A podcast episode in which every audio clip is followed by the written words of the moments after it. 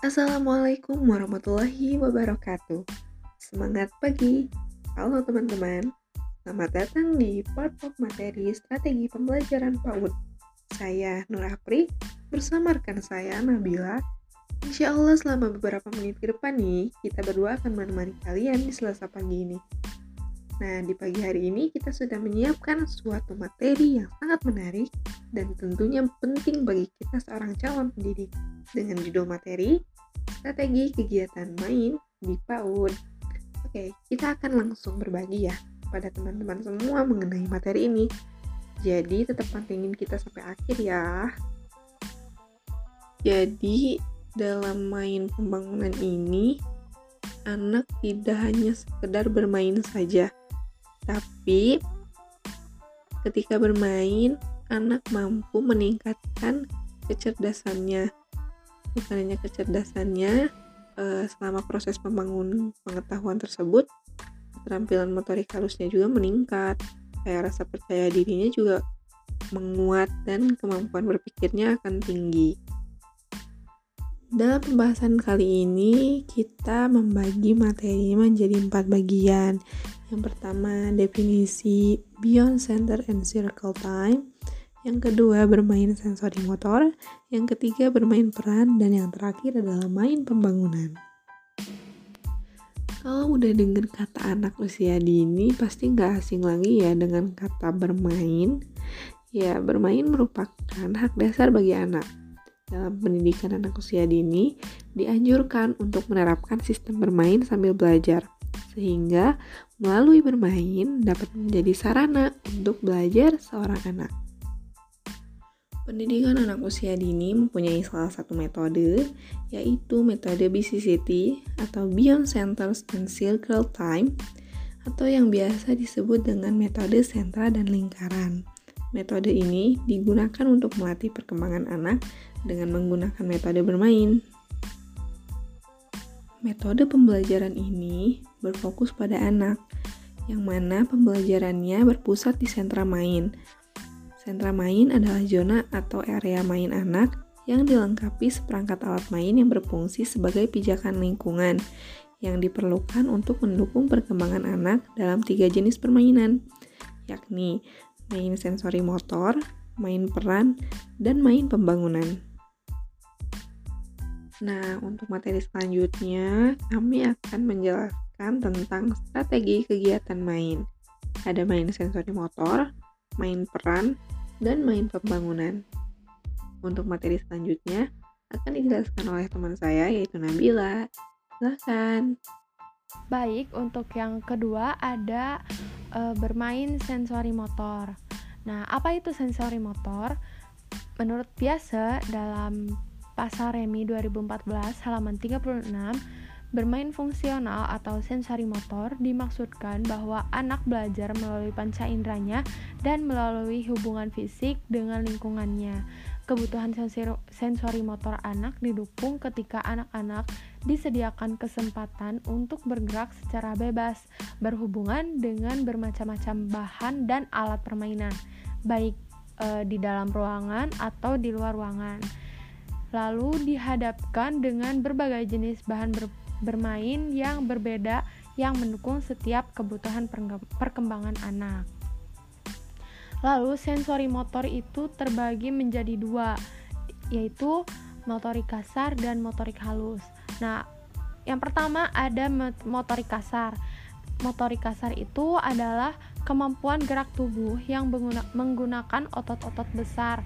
Nah, contohnya eh, berjalan, berlari, melompat, uh, naik tangga, turun tangga, dan masih banyak lainnya.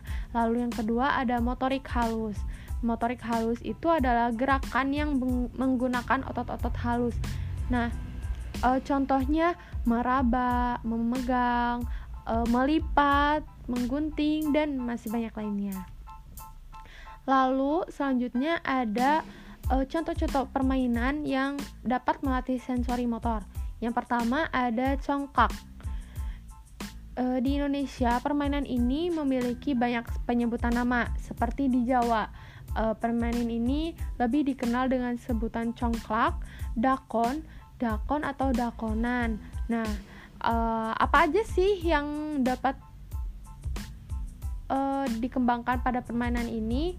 Yang pertama ada melatih kemampuan motorik halus.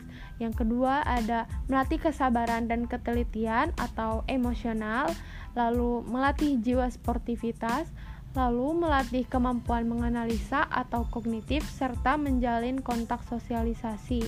Nah, secara pada permainan ini dilakukan oleh dua orang ya. Uh, selanjutnya ada permainan lompat tali atau sapintrong. Nah, kalau di Sunda itu biasanya suka disebut sapintrong ya. Nah, dalam Ngazizah 2019 halaman 214 sampai 215 permainan lompat tali merupakan permainan yang menggunakan karet permainan yang in, pada intinya melompat pada tali yang tersimpul memanjang dengan ukuran sekitar 3 sampai 4 meter. Nah, permainan ini terdiri dari dua kelompok yaitu pemegang tali dan pelompat tali. Nah, bisa juga uh, dilakukan oleh tiga orang yaitu dua orang untuk memegang dan satu orang melompat ataupun bisa juga di, dilakukan oleh satu orang ya. Nah, aspek yang dapat dikembangkan pada permainan ini di antaranya yang pertama ada melatih kemampuan motorik kasar, lalu melatih emosional, lalu ketelitian dan akurasi. Uh, selanjutnya ada sosialisasi serta intelektual. Yang ketiga ada permainan kelereng. Nah, permainan ini pada intinya tergantung pada pemain bagaimana jotos, jotosan atau lemparan kelereng lewat jari supaya mengenai kelereng lain. Nama pem, e, nama permainan kelereng ini di antaranya disebut pot-potan, ban-banan atau jarum jam. Adapun e, cara bermain kelereng ini uh, di antaranya sebagai berikut ya. Uh, coba yang pertama ada coba jari tengah dan uh, telunjuk ditekan dengan ibu jari sehingga membentuk angka 0. Nah, bisalah dipraktekkan ya, teman-teman. Nah, yang kedua ada letakkan kelereng di antara pertemuan jari telunjuk dan ibu jari. Nah, bisalah di dibayangkan lah ya kalau jika tidak ada gitu. Nah, selanjutnya ada lalu tekan dan dorong kelereng itu kuat-kuat dengan bantuan ibu jari kemudian lepaskan. Nah, bisa dilihat ya dari cara permainan kelereng ini eh, yang mana dapat melatih sensori motor halus ya. Nah, itu uh, adalah contoh-contoh permainan tradisional yang dapat melatih uh, sensori motor anak. Nah, dan masih banyak permainan yang lainnya ya, teman-teman. Nah, selanjutnya ada bermain peran. Bermainan e, bermain peran adalah suatu cara penguasaan bahan pelajaran melalui pengembangan dan penghayatan anak didik. Pengembangan imajinasi dan penghayatan dilakukan oleh anak didik dengan memerankan sebagai tokoh hidup atau benda mati. Dengan kegiatan memerankan ini akan membuat anak didik lebih meresapi perolehannya. Nah, e, bermain peran dibagi menjadi dua. Yang pertama ada bermain e, peran makro dan yang kedua ada bermain peran mikro. Yang pertama ada bermain peran makro. Menurut McKender dan Wolfgang dalam Pane, dan Siagian 2014 halaman 37 e, bermain peran makro adalah suatu kegiatan yang dilakukan dengan memerankan tokoh-tokoh tertentu dengan menggunakan alat bantu yang sesuai dengan peran yang ditokohkan sebagai e, contohnya sebagai dokter, maka anak akan berpura-pura sebagai uh, dokter seperti memakai baju putih dan uh, serta bisa memakai stetoskopnya. Nah, bermain peran makro atau besar lebih terarah kepada bermain sosiodrama dengan melibatkan banyak anak dan menggunakan ruangan atau space yang cukup luas. Nah, menurut Pane dan Siagian, Lalu selanjutnya ada e, menurut Pane dan Siagian 2014 halaman 42 sampai 43 pembelajaran dengan metode bermain peran makro berfungsi untuk yang pertama ada memberikan kesempatan kepada anak untuk dapat mengekspresikan pikiran dan perasaan kepada teman sebayanya sehingga kemampuan berbicara anak dapat meningkat. Yang kedua, ada memberi tantangan yang cukup besar pada anak untuk melakukan aktivitas belajar sesuai dengan kemampuannya dengan bisa melakonkan orang lain atau diri sendiri berdasarkan pengalaman mainnya. Yang ketiga, ada memberi kesempatan kepada anak untuk menceritakan kegiatan mainnya di akhir kegiatan dan berbagi ilmu atau sharing uh, dengan teman-temannya. Lalu yang kedua ada bermain peran mikro. Nah, menurut McKender uh, dan Wolfgang dalam Pane dan Siagian e, 2014 halaman 37 Bermain peran mikro adalah bermain peran dengan benda-benda kecil di mana benda tersebut menyimbolkan suatu sesuatu. Misalnya, ketika anak bermain dengan balok at, e, dan mendorong beberapa balok sambil bernyanyi naik kereta api, e, maka anak meng, e, menggambarkan dia sedang me, menyimbolkan balok-balok tersebut seperti e, gerbong kereta api. Nah, manfaat bermain peran me, menurut ih. Nah, uh, selanjutnya uh, apa sih uh, manfaat dari bermain peran itu? Nah, di sini ada menurut Mulyawan dalam Rahmalina 2017 halaman 17 tentang uh, manfaat bermain peran yaitu di antaranya yang pertama ada memberikan kepuasan psikis maupun psikologis dalam diri anak yang kedua ada melatih dan mengembangkan kemampuan komunikasi verbal maupun nonverbal. Lalu ketiga ada mengembangkan tingkat intelijensi dan stabilitas emosional anak.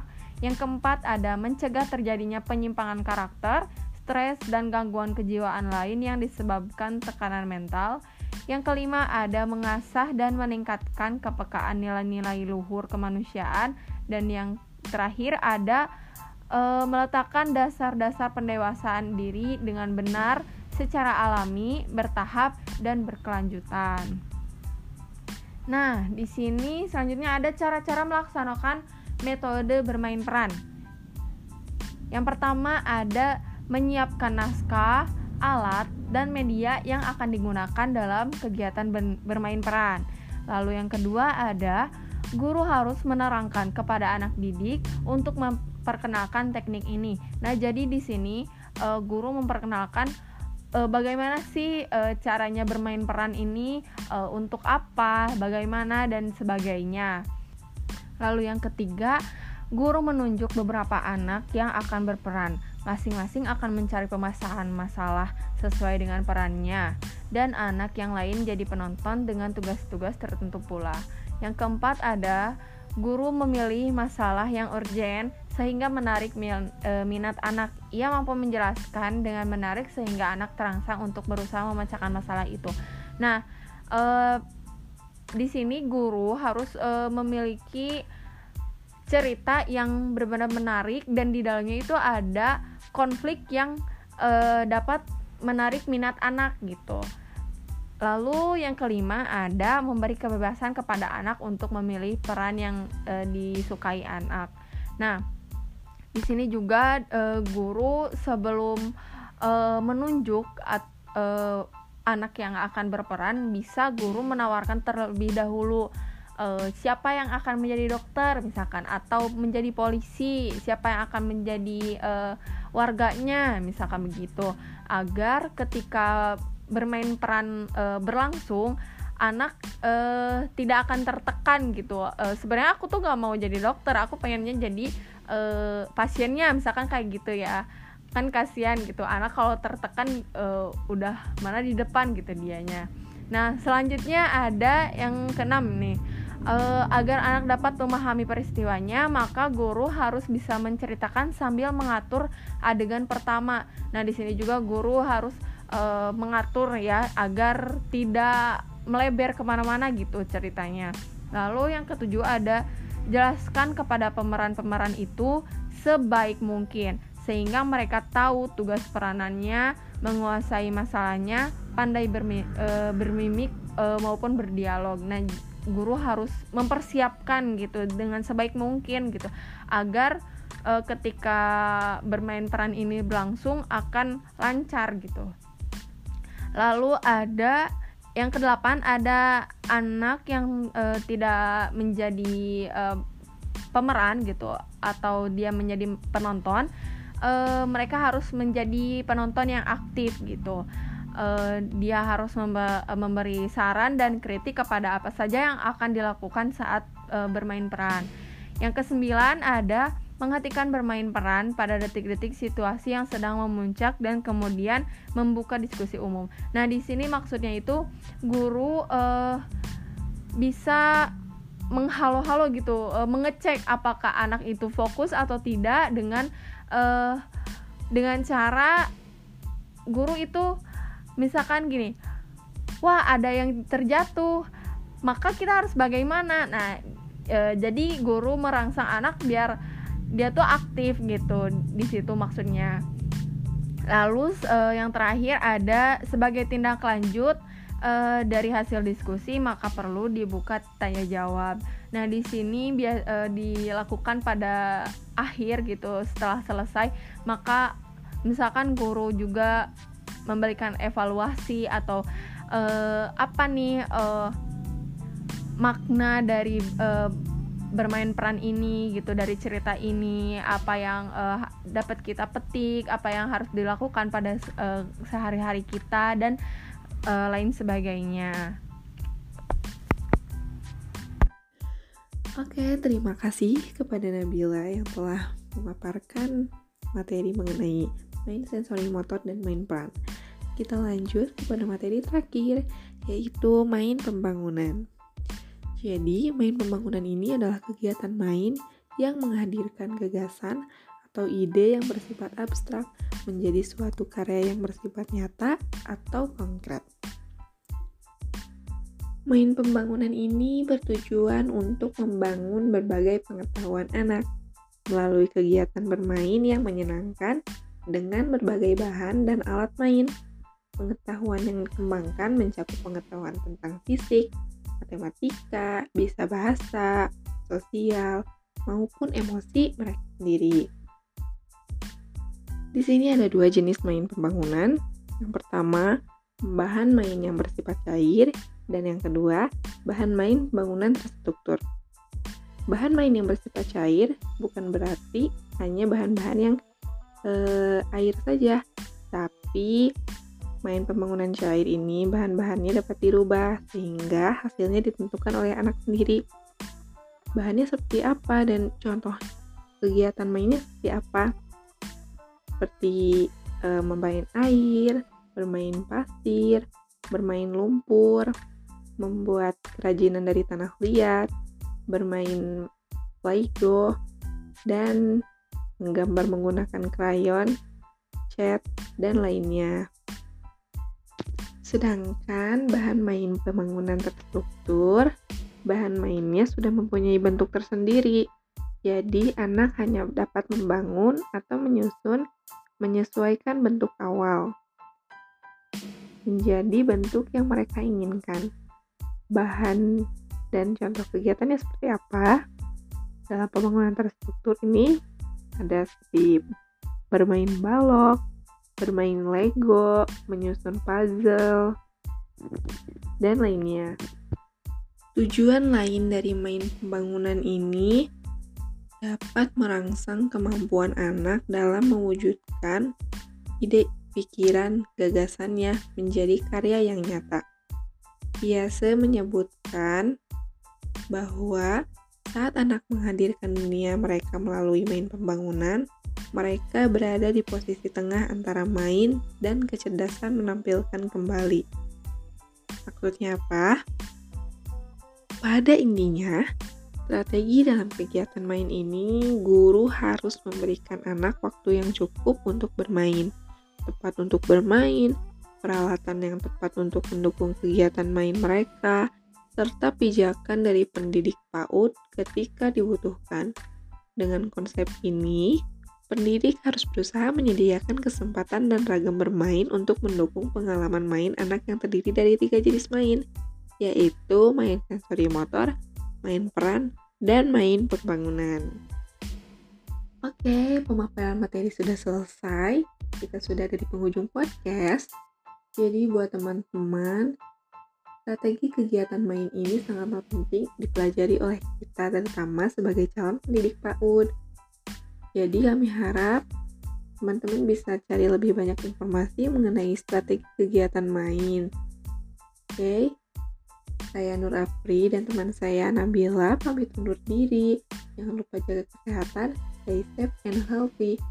Bye-bye. Assalamualaikum warahmatullahi wabarakatuh.